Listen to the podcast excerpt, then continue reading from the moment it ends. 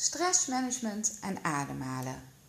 Leiding nemen over vitaliteit begint met ademhalen. En hoe komt dat?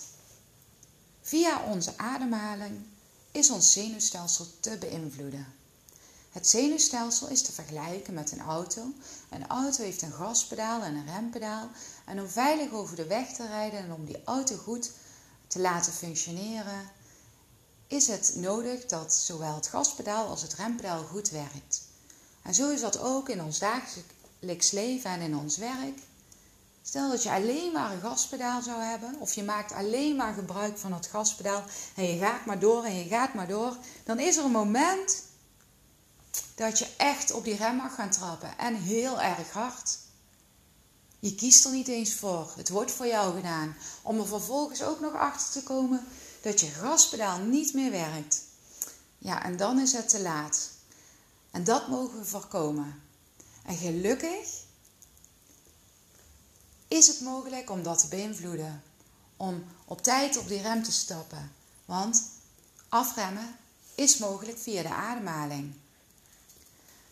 Onze inademing wordt namelijk gestuurd vanuit het sympathische deel van het zenuwstelsel, vergelijkbaar met dat gaspedaal. Uitademen wordt gestuurd vanuit het parasympathische deel van het zenuwstelsel, als, als het ware ons rempedaal. Ik ga samen met jullie een oefening doen waarbij we onze uitademing, dat rempedaal, wat langer gaan inzetten. Onze uitademing gaan we verlengen ten opzichte van onze inademing. En dat heeft een direct kalmerend effect op ons. En daarnaast heeft het ook nog andere positieve effecten. Het heeft een positieve invloed op ons immuunsysteem, op de bloedwaarde, op jouw bloeddruk en op jouw hartslag. En het mooie is dat de oefening overal en direct inzetbaar is. Dus stel, je mag een presentatie geven op je werk, of je hebt morgen een examen waar je zenuwachtig voor bent, of je bent ergens waar je onprettig voelt, waarin je onrustig bent en je voelt van ik wil me even terugtrekken, dan is deze oefening ook toepasbaar. Wanneer je echt last hebt van chronische stress, dan draagt deze oefening bij om je stressniveau wat te verlagen, maar het lost je probleem niet direct op. Dan is er echt meer nodig. Dus ademhaling draagt bij, het is niet de oplossing. Wat we nu gaan doen, je mag een, uh, een uh, stoel uitzoeken, een stoel die in je omgeving staat, waar je rechtop in kan gaan zitten. Dus met een rechte rug waarin je een actieve houding aan kunt nemen. Plaats je voeten op de grond. Je schouders zijn laag en ontspannen. Plaats je handen op je buik. Want wanneer we gestrest zijn, dan ademen we vaak ook hoog en oppervlakkig. Dat hebben we niet altijd in de gaten. En we mogen die ademhaling wat laten zakken omlaag brengen. En de buikademhaling is daar zeer geschikt voor. En de buikademhaling klinkt simpel, maar dat is het niet altijd. Dus vandaar dat je je handen op je buik mag plaatsen om even te voelen en te ervaren of het mogelijk is voor jou om een buikademhaling uh, toe te passen en in te zetten. Wanneer je de buikademhaling goed inzet, dan voel je dat je buik opzwelt. Het wordt een ballon. Hij zuigt zich vol met lucht, net als een ballon. Dus adem in naar je onderrug toe. Voel dat je buik opzwelt en adem uit. En dan voel je dat je buikspieren en je hele koor eigenlijk uh, licht uh, aanspannen. Wanneer dat goed gaat, dan kunnen we de oefening gaan starten. En uh, we gaan twee tellen inademen en vier tellen uit, want we gaan die uitademing verlengen.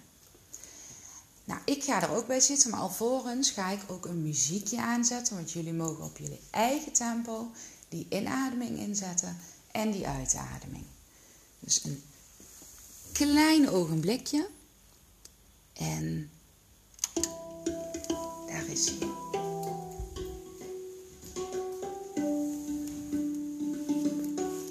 Nou, ik zit ook.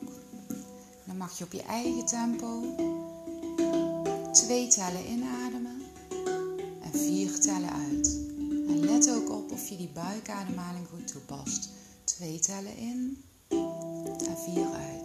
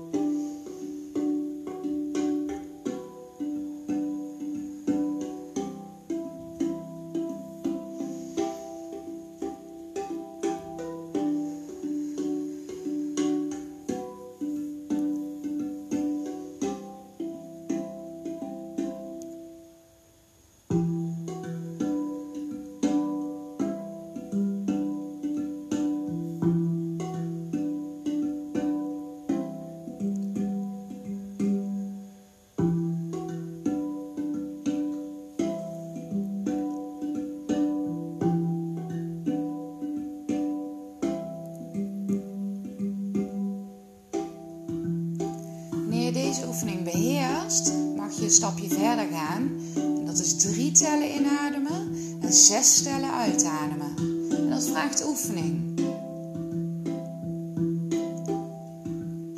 Dus mocht je het vandaag niet lukken, of morgen of overmorgen, dan blijf je eventjes bij twee tellen inademen en vier tellen uit.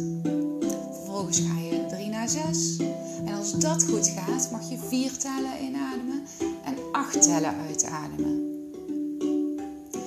Deze oefening toepassen vlak voordat je gaat slapen, eventueel na de lunch of in de ochtend nadat je op bent gestaan. En uiteraard ook in een stressvolle situatie.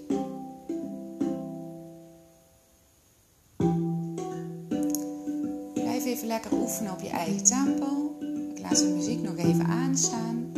En bij deze wens ik jullie allemaal alvast veel oefenplezier.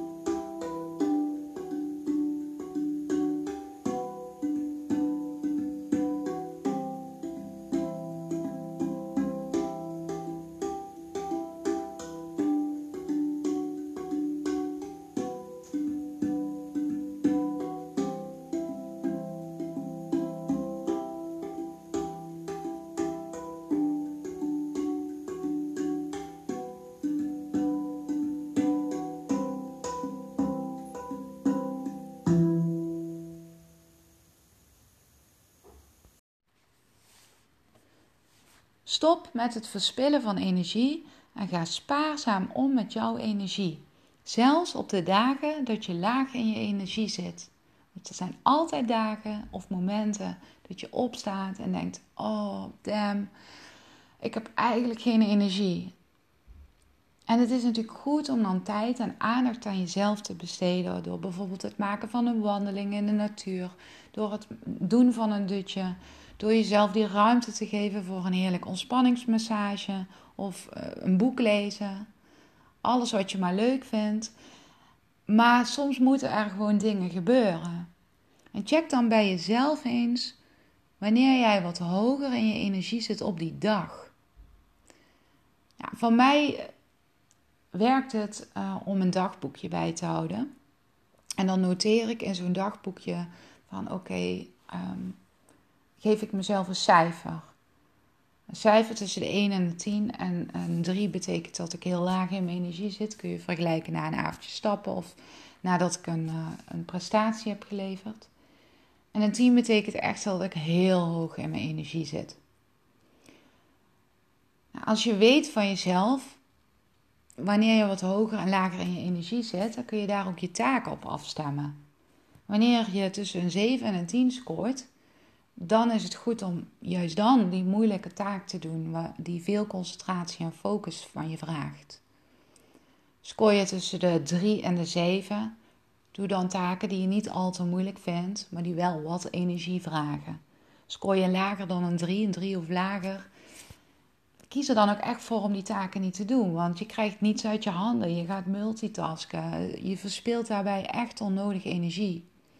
Nou, ik functioneer het beste um, tussen 10 en 12 en tussen 5 en 8. Dus dan is het voor mij goed om de meest zware en moeilijke taken te verrichten. Tussen 5 en 8 ga ik ook altijd sporten.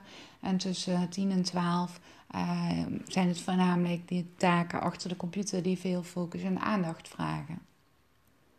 Nou, ik ben heel benieuwd hoe dit werkt voor jou. Noteer het eens voor jezelf. En pas het toe. Het is echt een hele waardevolle oefening die voorkomt dat als je al laag in je energie zit, dat je onnodige energie verspilt. Ik wens je heel veel succes en ik wens je ook heel veel energie toe. Fijne dag! Stop met het verspillen van energie en ga spaarzaam om met jouw energie. Zelfs op de dagen dat je laag in je energie zit. Er zijn altijd dagen of momenten dat je opstaat en denkt: Oh, damn, ik heb eigenlijk geen energie. En het is natuurlijk goed om dan tijd en aandacht aan jezelf te besteden. Door bijvoorbeeld het maken van een wandeling in de natuur. Door het doen van een dutje. Door jezelf die ruimte te geven voor een heerlijk ontspanningsmassage. Of eh, een boek lezen. Alles wat je maar leuk vindt. Maar soms moeten er gewoon dingen gebeuren. En check dan bij jezelf eens wanneer jij wat hoger in je energie zit op die dag. Ja, van mij werkt het uh, om een dagboekje bij te houden. En dan noteer ik in zo'n dagboekje van oké, ehm, geef ik mezelf een cijfer. Een cijfer tussen de 1 en de 10. En een 3 betekent dat ik heel laag in mijn energie zit. Kun je vergelijken na een avondje stappen of nadat ik een, uh, een prestatie heb geleverd. En een 10 betekent echt dat ik heel hoog in mijn energie zit. Nou, als je weet van jezelf wanneer je wat hoger en lager in je energie zit, dan kun je daar ook je taken op afstemmen. Wanneer je tussen een 7 en een 10 scoort, dan is het goed om juist dan die moeilijke taak te doen, die veel concentratie en focus van je vraagt. Scoor je tussen de 3 en de 7, doe dan taken die je niet al te moeilijk vindt, maar die wel wat energie vragen. Scoor je lager dan een 3, een 3 of lager, kies er dan ook echt voor om die taken niet te doen. Want je krijgt niets uit je handen. Je gaat multitasken. Je verspilt daarbij echt onnodige energie. Nou, ik functioneer het beste um, tussen 10 en 12 en tussen 5 en 8. Dus dan is het voor mij goed om de meest zware en moeilijke taken te verrichten. Tussen 5 en 8 ga ik ook altijd sporten. En tussen 10 en 12 uh, ehm, zijn het voornamelijk die taken achter de computer die veel focus en aandacht vragen. Ik ben heel benieuwd hoe dit werkt voor jou. Noteer het eens voor jezelf. En pas het toe. Het is echt een hele waardevolle oefening die voorkomt dat als je al laag in je energie zit, dat je onnodige energie verspilt. Ik wens je heel veel succes en ik wens je ook heel veel energie toe. Fijne dag.